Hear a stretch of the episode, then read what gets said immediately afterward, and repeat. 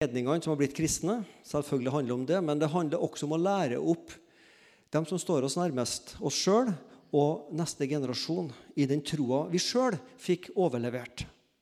For jeg tror det at Hadde vi tatt en liten runde her og hørt med hver enkelt, så vil jeg tro de fleste har I hvert fall veldig mange har eller hadde foreldre som var kristne, og som ga deg troa. Den ble overført fra forrige generasjon til din generasjon, og du har vært med og ført den videre til neste generasjon. Slik, på den måten arves troa, sjøl om ikke vi kan arve troa direkte gjennom genene. La oss be sammen. Herre Jesus Kristus, vi lever i 2015, ca. 2000 år etter deg, og så har det vært generasjoner før oss som har tatt vare på troa, og så har gitt den videre til neste generasjon. Så var vi så heldige at vi fikk høre om det, enten i en kristen familie eller med søndagsskole eller et barnelag, ungdomsgruppe vi var med i, og så kom vi til å tro på deg. Hjelp oss når det nå er vår oppgave å dele troa og gi den videre til neste generasjon Jesus. Amen.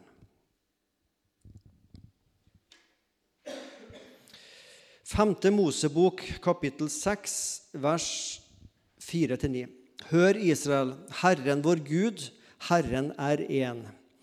Den jødiske trosbekjennelsen. Du skal elske Herren din Gud av hele ditt hjerte, av hele din sjel, av all din makt.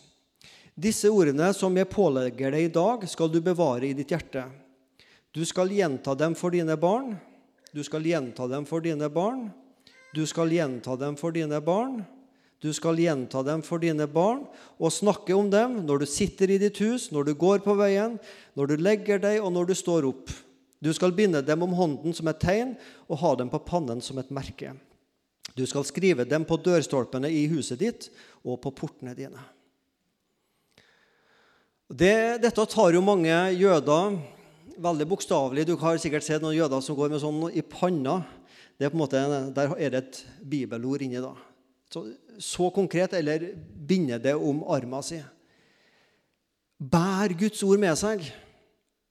Om man får ungene til å skrive bibelvers på tapeten på veggen, det er jo ikke sikkert man gjør i heimene. Men altså, så konkret skal Guds ord være til stede i hverdagen og i helg at du bærer det med deg på alle mulige måter.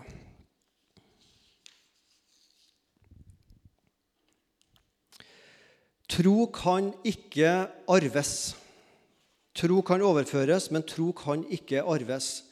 Det fins altså ikke noe trosgen. At det er fordi at dine foreldre var kristne, så lå det i genene dine at du skulle bli en kristen. Sånn fins ikke. Men tro overføres.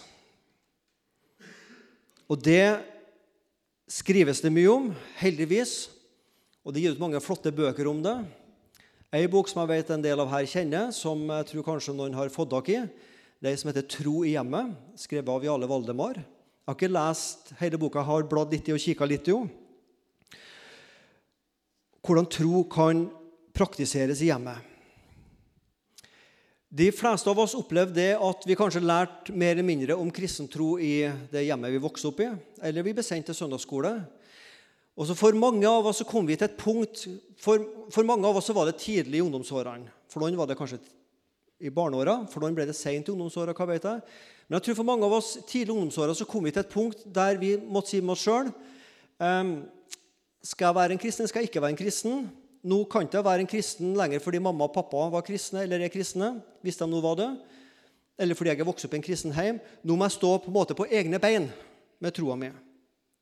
Dit kom vi en gang i livet alle sammen og tok et personlig valg om å følge Jesus Kristus.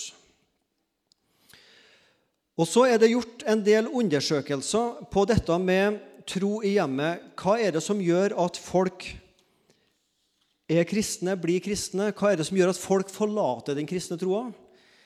Det er ikke gjort så mange undersøkelser på det i Norge, men i USA så er det gjort grundig forskning på det. Og Der viser det seg, fra en undersøkelse som bare faktisk er fire år gammel, at tre av fem kristne barn, 60% vil komme til å forlate troa når de har gått ut av den videregående skolen. 60% av dem som vokser opp i bekjennende kristne hjemmer, vil når de går ut av videregående skole i Amerika, ha forlatt troa. Det er jo radikale, grusomme tall. Og så spor man da disse ungdommene. Hva var det som gjorde at du slutta å være en kristen? Hva var grunnen til det, årsaken til det? Og Her skal du få de to svarene som oftest gikk igjen. Det første var at Gud og Bibel ikke betydde noe i hjemmet, bare i menigheten. Ungdommene opplevde at foreldrene var hyklere. De, de, voksne levde to ulike liv. Ett liv i menigheten, hvor man var hyggelig og smilt og var omgjengelig. Man tok på seg masker for å virke perfekt. Men hjemme så var foreldra annerledes. Og så så ungdommene denne spriket mellom mamma og pappa i kirka eller i forsamlingslokalet og mamma og pappa hjem. Og så så de her var spriket så stort at det virker som bare Gud betyr noe for dem søndag mellom klokka 11 og halv 1. Men hjem nei. Og Den andre grunnen til at disse forlot, ungdommene forlot troa, var at media, skole og venner var det som betydde noe.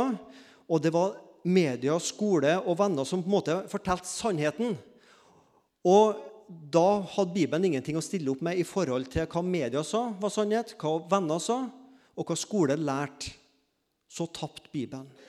Disse to grunnene var hovedgrunnene til at disse ungdommene forlot troa.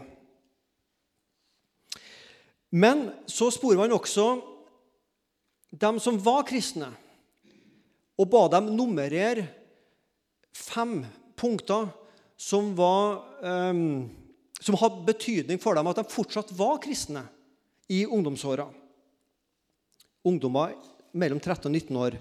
Hva var det som hadde størst påvirkning for at de fortsatt var kristne? Og Det som da skåra høyest, det var mor. Faktisk 80% kryssa om for mor. Far 60% i USA så betyr pastor veldig mye, så faktisk nesten 60% kryssa for det. Besteforeldre og ungdomsmiljø skårer også veldig høyt. Og jeg tror i, hvert fall i norsk kontekst mor og far, besteforeldre og et kristent ungdomsmiljø har veldig mye å si for at disse ungdommene, norske ungdommer blir bevart som kristne når de går gjennom ungdomsåra. Hva har påvirka ditt valg for å bli, fortsatt være en kristen, og hva påvirker ungdommens valg? Jo, foreldre betyr veldig mye. Nå har mange mødre og fedre gått opp på, på, loftet, og det er flott. Men jeg har lyst til å si til dere som er foreldre her, og dere som også etter hvert er, fortsatt er foreldre, men har voksne barn nå Mor og far er prest for sine barn. Mor og far er prest for sine barn. Hva mener jeg med det? Hva er det en prest er for noe? En prest har to hovedoppgaver. For det første å gi Guds ord til folket. Og for det andre så skal en prest ofre. Gi offer. Det er liksom sånn de to hovedtingene en prest skal gjøre. Og du som mor og far, du er den som er nærmest til å gi Guds ord til dine barn. Og du skal være med også å ofre deg sjøl for dine barn. Så ble disse ungdommene i Amerika spurt hva, hva betydde noe for altså at du fortsatt er en kristen. Og så viser det seg at åndelige aktiviteter betyr veldig mye. Og da ikke bare åndelige aktiviteter i Guds hus. La oss nå si at du sender barnet ditt hit på søndagsskole 40 ganger i året. Og Da er barnet på søndagsskole én time. Da har barnearbeideren eller søndagsskolelæreren, for å si det sånn, 40 timer med ditt barn i løpet av et år og lære barnet ditt om den kristne troa. Veldig bra. Det investerer vi, det bruker vi penger på i misjonen. Og så tenker du 24 timer i døgnet. Åtte timer sover du, åtte timer arbeider du, åtte timer er du hjemme med barnet ditt. Åtte timer ganger med 365 det blir ca. 3000 timer i året. 3000 timer i året er du sammen med ditt barn. Søndagsskolelederen er sammen med ditt barn 40 timer. Hvem er det som har mest påvirkning? Det er du. Du er det viktigste forbildet for dine barn på troens vei. Og Da handler ikke åndelige aktiviteter bare om å kjøre barnet til misjonssalen, gå inn døra og si Kjære eh, barneleder, kjære ungdomsleder, nå skal du ta deg av barnet mitt en time mens jeg går på Kvadrat og handler. Så kommer jeg til barnet, og så regner jeg med at barnet er skikkelig fylt opp åndelig når jeg kommer tilbake. Jo, gjerne det. Men åndelige aktiviteter handler først og fremst om heimen. Hva slags åndelige aktiviteter legger vi til rette for i heimen for at troa går til neste generasjon? Det handler om bordvers. Det handler om å lese, synge, før barnet legger seg på sengekanten. Det handler om middagsandakt eller kanskje frokostandakt hvis noen har det. Det handler om å be og lære barnet å be. Når du har middagsandakt, ta fram denne bønnekalenderen som Misjonen har gitt ut, eller Norea har bønnekalender og sånn, og be for konkrete ting, så lærer ungene seg å skjønne at bønn handler om å be for konkrete ting. Høytlesing sammen. Ha noen gode tradisjoner i heimen knytta til de kristne høytidene. Det handler om å bygge gode åndelige aktiviteter i heimen, sånn at det, det blir et pulsslag i barnets liv. Like så sikkert som jeg skal til barnehage eller skole. Søndag i misjonssalen, og hver dag har vi sånn og sånn. En gang i uka har vi sånn, og vi ber og vi synger sammen. Godnattsang osv. osv. Gode åndelige aktiviteter, og så bygger du gode åndelige vaner inn i ditt barn. Og Når jeg leste denne lista, her, så kunne jeg krysse av. Det har jeg vært flink til. Nei, det har jeg ikke vært flink til. Oh, oh den der stakk i hjertet, ja. ja den, men den, den, klarte jeg. Og så kan man få litt dårlig og god, litt god samvittighet. Men jeg kjente sånn et sånt sukk i mitt hjerte. Å, det der skulle jeg ha starta med tidligere. Og det vil jeg si til dere som er foreldre og har med små barn. Du kan aldri starte tidlig nok med å gi barnet ditt Guds ord. Aldri for tidlig. Jo, jeg har, møtt, jeg har blitt så gammel etter hvert at jeg har møtt folk som har vokst opp i bekjennende kristne hjemmer, til og med i gode sambandshjemmer, som har fått det nesten opp i halsen. Det ble for mye. Det ble for voldsomt. Ja, det, det fins det også. Jeg er klar over det. Men jeg tror for mange så ble det for lite, kanskje. Det var i hvert fall veldig interessant når man gjorde denne undersøkelsen i Amerika med disse åndelige aktivitetene. Disse ungdommene som vokste opp i bekjennende kristne hjemmer. 90% av disse ungdommene sa i våre hjemmer var ikke noen faste åndelige aktiviteter. Kan du tenke deg? En muslim bøyer seg fem ganger for dagen til Allah. Og så finnes det ikke åndelige aktiviteter i kristne, bekjennende kristne hjemmer. Det må vi bygge inn. Og jeg kjenner, Nå er det fort at det kan høres ut som jeg er litt sånn lovisk nå. Det må du gjøre. Det må du huske. Ja, det, det kan hende at jeg opplever sånn, men jeg ønsker å legge det på dere, kjære foreldre. Bygg gode åndelige rutiner og vaner i heimen, og barnet ditt vil ha en stor glede og en fordel av det. For det, det er jo den største gleden vi kan gi, det å gi barna våre Jesus og Guds ord.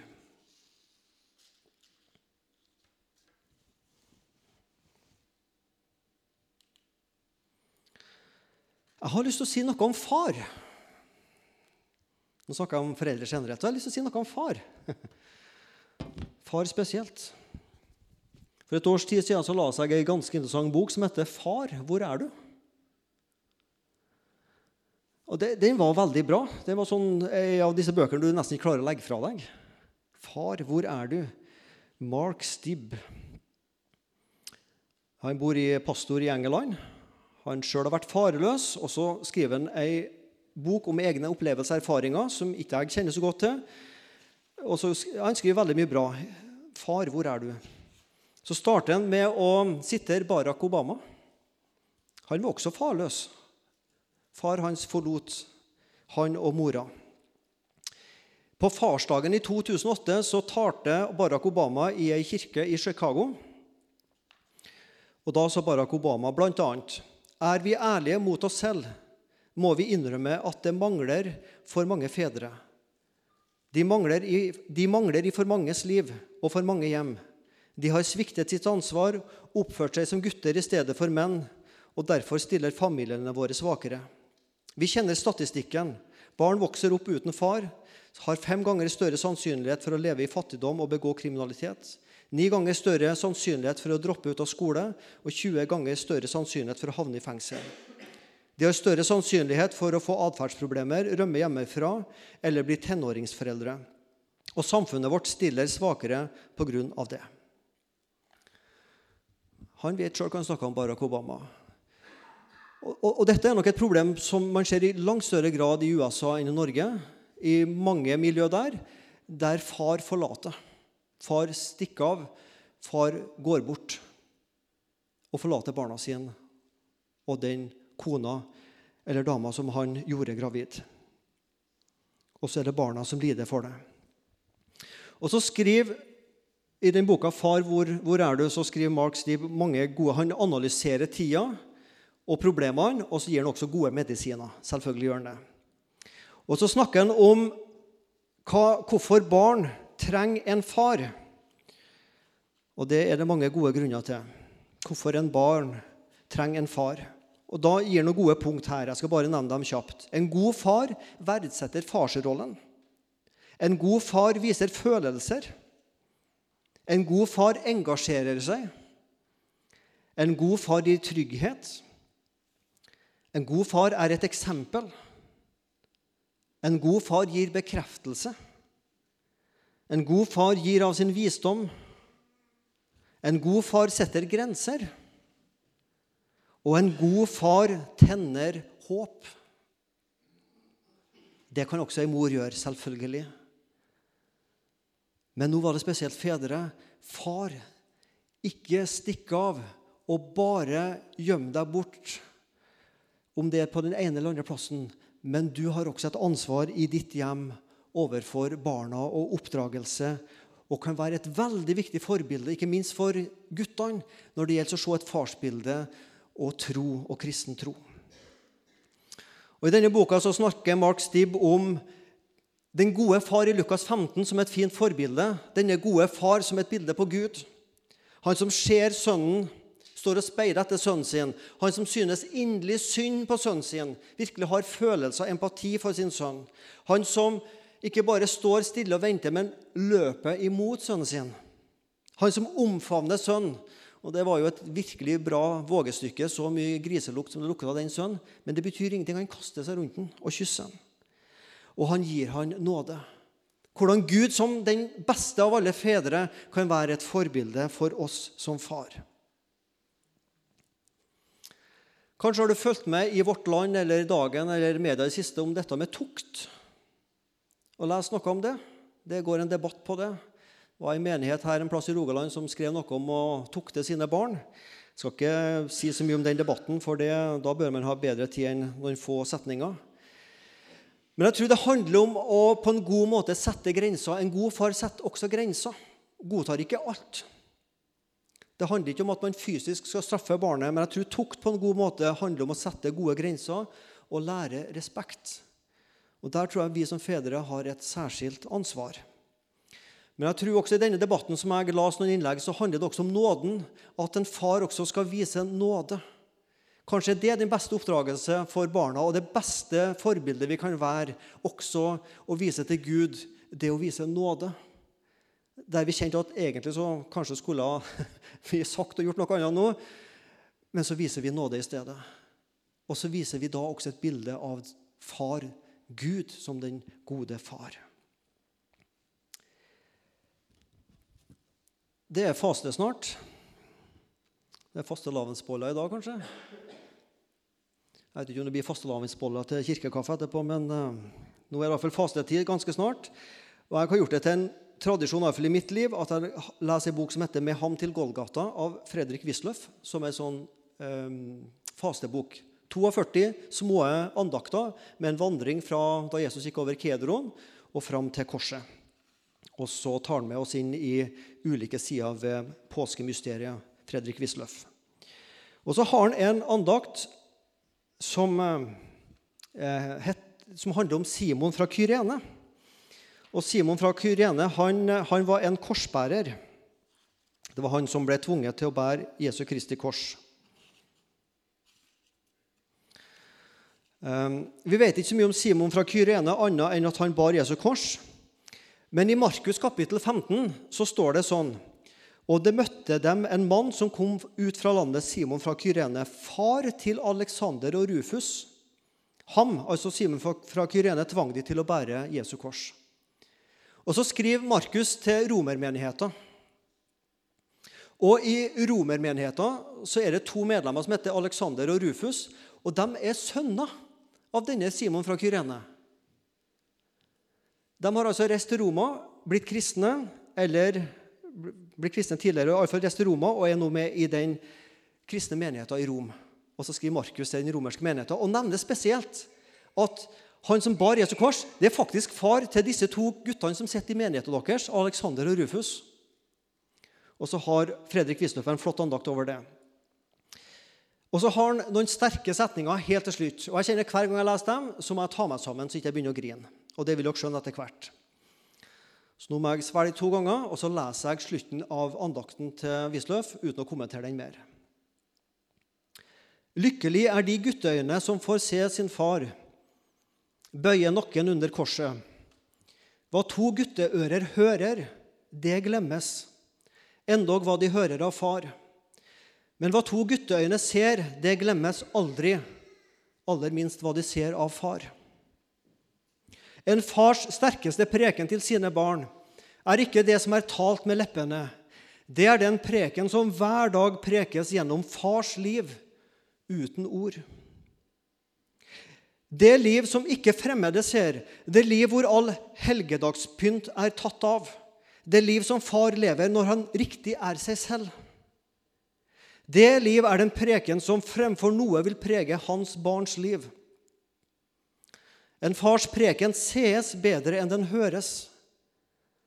Og det gutteøyet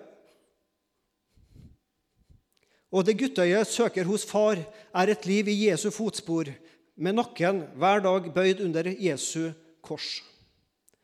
At en slik preken aldri glemmes, det vet jeg selv.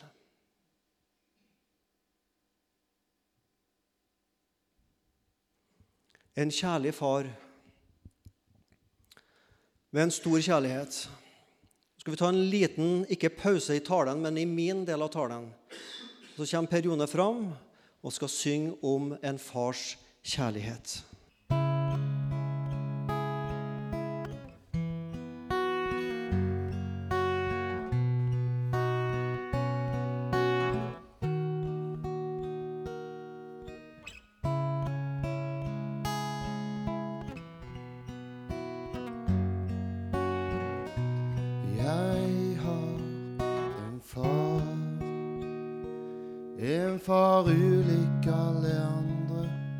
Som kjente meg før dagen jeg ble til. Han ser til meg. Om mitt liv er fullt av glede, eller om jeg strever for å helt forstå. Så dyp en kjærlighet, fra sin givenhet. uslig på et gjennomtrengende og livsforvandlende. Din omsorg er for meg. Ja, du er min far.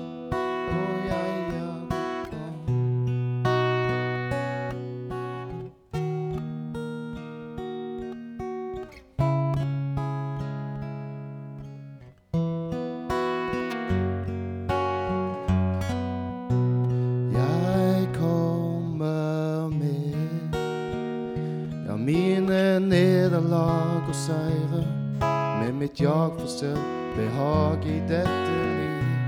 Jeg legger ned alt jeg er i dine hender. Her vet jeg at du vil være god for meg. Så dyp en kjærlighet, fars hengivenhet, uslipp på et kors. Gjennomtrengende og livsforvandlende. Din omsorg er for meg. Du er min far. og jeg er ditt barn. Gud, jeg faller ned. Gud, jeg faller ned dine armer.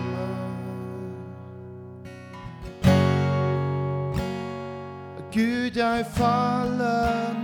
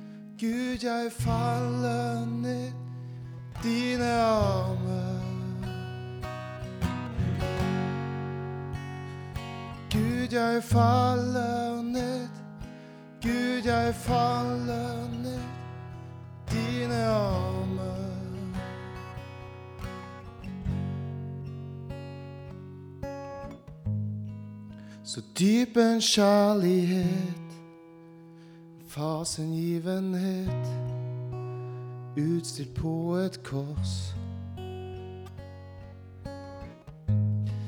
Så gjennomtrengende og livsforvandlende en omsorg er for meg.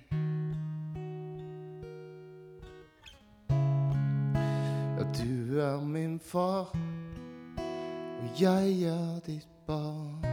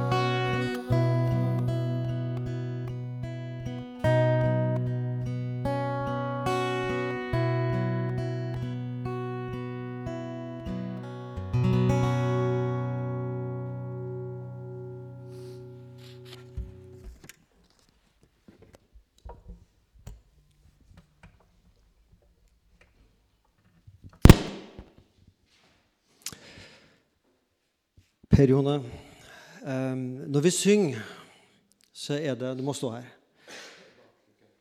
Så, så er det sånn at eh, sang det handler om å ha de rette akkordene, ha den rette rytmen, ha de rette ordene å synge med den riktige stemmen. Men Per Jone, du har lært meg en ting når det gjelder sang og musikk. Man må også må synge med hjertet. Jeg har aldri tror jeg, møtt et menneske en forsanger, en musiker som deg, som synger så med hjertet, sånn som deg. Um, og det, det, visste jeg også når jeg spurte om den sangen, at den sangen her, den uh, Jeg har hørt deg sangen flere ganger på spor, og du har tatt til tårene. Uh, og det, det, det, er noe sånn fantastisk og flott med Perone, at du har dere å synge med hjertet, i tillegg til alt det andre. I 10-15 år Perone, har du vært uh, forsangerleder i spormiljøet. Så uh, snakka vi litt sammen i fjor høst, og jeg innvilga deg en pause på ubestemt tid. men jeg, ikke bare jeg, Per Jone, men vi alle, vi er så glad i deg.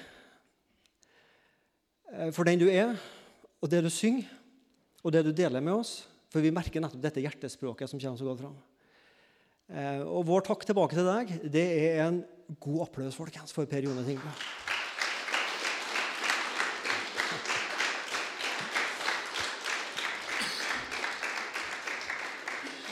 Og så kan jeg si at jeg er så heldig at jeg har spurt Per Jone om han kan være det som litt, på litt fint språk heter mentor for meg. At vi skal møtes en par ganger i halvåret og, og, snakke litt sammen om sang og musikk. Og han skal gi meg en del innspill. Det ser jeg fram til, Per Jone. Veldig flott. Takk skal du ha. Vi går mot avslutninga av talen, men jeg skal ha en par små punkt til. 2. Timoteus 2,2. Den er jo enkel å huske. 2. Tim 2,2. Det du, Timoteus, har hørt av meg, Paulus, i mange vitners nærvær, overgi det til trofaste mennesker som også er i stand til å lære andre. Ser du stafettpinnen? Altså ikke den synlige stafettpinnen, men det du, Timoteus, har hørt av meg, Paulus, Timoteus, overgi det til andre mennesker som selv er i stand til å gi det videre til andre. Ser du hvordan evangeliet overgis videre? Og så bruker vi det som foreldre. Du har fått kanskje evangeliet i din heim. Du fikk en skatt som du kanskje ikke ville fått hvis du hadde bodd en annen plass i verden. hva vet jeg. Men du fikk evangeliet med Jesus, og du gir det videre. Og så sitter vi ikke bare foreldre her, men vi sitter også besteforeldre, og besteforeldre er jo også foreldre. Men har kommet i en ny fase i livet. Og siste minuttene av talen så har jeg lyst til å snakke ekstra til dere som er besteforeldre, og si noe om besteforeldres betydning. Det har jeg ingen erfaring med. Kanskje i løpet av to-tre år så får jeg det, men, men, jeg har det ikke ennå. Men det sitter mange her som er besteforeldre. Og Derfor, når jeg skulle holde denne talen, og det visste jeg i god tid, så tenkte jeg jeg vil si noe til dere som er besteforeldre. Og da må jeg høre med folk som er besteforeldre, og komme med noen tips. Så jeg sendte ut fem spørsmål til besteforeldre, damer og menn, eh, både i Misjonssalen og som ikke går i Misjonssalen. Og stilt fem spørsmål og ba om å få noen tilbakemeldinger på det. Og Så skal jeg lese litt for dere fra noen av disse svarene. Jeg skal, Svarene er anonymisert. Og På hjemmesida misjonssand.no skal, dere, skal dere få se alle svarene etter hvert. Men nå skal dere få høre noen av svarene. Hva, hva tenker besteforeldre? Hva gjør du konkret for at dine barnebarn skal lære om den kristne tro? Og Her er noen av svarene jeg fikk leser bøker og bruker barnas bibel, særlig kveld og leggetid. Fra de var ganske små, har jeg hatt rutine på det. Foreldrene opplevde tidlig at barna ville synge noen av mormorsangene på sengekanten. Vi har gitt abonnement på TrippTrapp. TrippTrapp det er noe sånn eh, Skal vi se, må jeg finne det. Der er det. Et opplegg fra IKO. Noen gaver du kan gi til, som ofte brukes til dåpsbarn, f.eks. Vi har gitt abonnement på TrippTrapp fra dåpsklubben. Og abonnement på Blink eller Superblink skal gis fra seksårsdagen. Ser at det er stor stas å få bok-CD hjem i postkassen med sitt eget navn på. Jeg er veldig glad for at barnebarna og for at de har kristne foreldre og får vokse opp i kristne hjem. Det aller viktigste jeg og vi kan gjøre som besteforeldre, er å legge dem fram enkeltvis og samlet for Gud i bønn. Det gjør vi daglig i vår andagsstund jeg er selv så heldig at jeg har fått kristne foreldre og vet at de ba for meg. Dette er jeg overbevist om har hatt stor betydning for mitt liv og framtid. Først og fremst er det å be for barna. Det viktigste er å ha gode relasjoner til barnebarna helt fra de er små. Gjøre kjekke ting sammen. Vise at vi bryr oss, se dem. Det første vi gjorde, var å gi barna medlemskap i TrippTrapp. Da får barna jevnlige pakker i posten, osv. Hva har du gitt, har du gitt bøker eller noe annet som du ser at barnebarna bruker og setter pris på? Det var det andre spørsmålet jeg stilte til besteforeldrene. Og Her er et par av svarene. Vi prøver å gi barnebarna bøker med fortellinger fra Bibelen og ser at de blir brukt. Av og til opplever vi at de kommer med en bok som vi skal lese sammen. Herlig. De liker veldig godt barnebibler. CD som min båt er så liten. Seven og Jarle Valdemar sine bøker og DVD-er. Ja, jeg ser gjerne til at de har en barnebibel og barneandagsbok. Det tredje spørsmålet jeg spør disse besteforeldrene Hvis barnebarna dine spør deg om noe fra Bibelen, hva er det de da spør om? Ja, De kan spørre om de utroligste ting, men det er ofte hvordan Jesus kan styre alt, at han ser oss. Ingen er ennå i den alderen at de tviler på noe som helst de har hørt om Jesus, og takk for det. Det går på Jesus som venn og hva han kan. Våre barnebarn var til stede da bestefaren døde. Det har preget samtalene om sykdom og død. Fjerde spørsmålet. Hvordan har du opplevd at de kristne høytidene kan være en god anledning å snakke om den kristne troen? Vi har hatt fine samtaler om det som skjedde i de kristne høytidene. Unger er åpne og lette å få interessert og begeistret. På julaften leste vi juleevangeliet sammen. Samtidig fikk barnebarna dramatisere med figurene til julekrybba. Det hadde vi besteforeldre og barnebarn øvd litt på uten foreldrene og de andre, før de andre gjestene kom. Det var kjekt. Å formidle Jesu fødsel er nok enklere enn påskebudskapet. Senest i dag hørte jeg de små i stua leke Maria og Josef, der sengebamsen var Jesusbarnet. Han var fremdeles ikke født, men gleden var stor. Palmesøndag med jubel og konkrete palmegrener i hendene fungerer også veldig bra. Også sanger som 'På Golgata sto det kors' er en fin innledning til å snakke om påsken. Og det siste spørsmålet jeg spor gi konkrete tips til andre besteforeldre. Ta dem med på møter, samtale, fortell, les og be sammen med dem.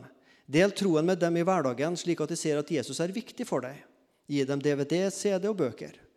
Og legge barnebarna i Guds hånd selv før de er født. Bruke kvalitetstid sammen. Ta dem med på barnemøter eller andre kjekke ting der de kan få møte Jesus-fortellingene. Fortell enkelt om Jesus under kveldsmåltidet eller annen tid som passer for den lille. Tilby transport, tilby barnevakt at de som tilby barnevakt av de som ikke går. Etter hvert som de blir eldre, betaler for de som betaler for dem på sommertreff og Ung landsmøte, som tips. Du skal få hele denne flotte lista på hjemmesida etter hvert. Disippeloverføring det handler om deg og meg. Det handler også om foreldre og som besteforeldre. Og jeg kjenner jeg har mislyktes mye. Jeg har vært en bekjennende kristen alle år jeg hatt barn. og jeg, som sagt, jeg på den lista så tenkte jeg å, det har jeg lyktes, der har jeg ikke lyktes så godt. Men vi kan alle gjøre litt, og vi kan kanskje gjøre litt mer. Men jeg vil si til dere som foreldre du er prest for dine barn. Du skal gi dem Guds ord og ofre deg for dem. Og barna får se noe i mors og fars liv som aldri går ut av sinne. Og det er den sterkeste preken du kan gi til dine barn og til dine barnebarn. Gud velsigne oss i det. Herre Jesus Kristus. Vi er en generasjon unna av å bli avkristna. Men Herre Jesus, du bruker oss som foreldre og besteforeldre til å gi evangeliet videre til neste generasjon. Tilgi oss for misbrukte anledninger, men gi oss vilje og visdom til å si de rette ordene og gjøre det på en god og en riktig måte, sånn at ungene får se kjærligheten og får se den gleden vi har av å tilhøre deg, og at de blir glad i deg, Jesus. Amen.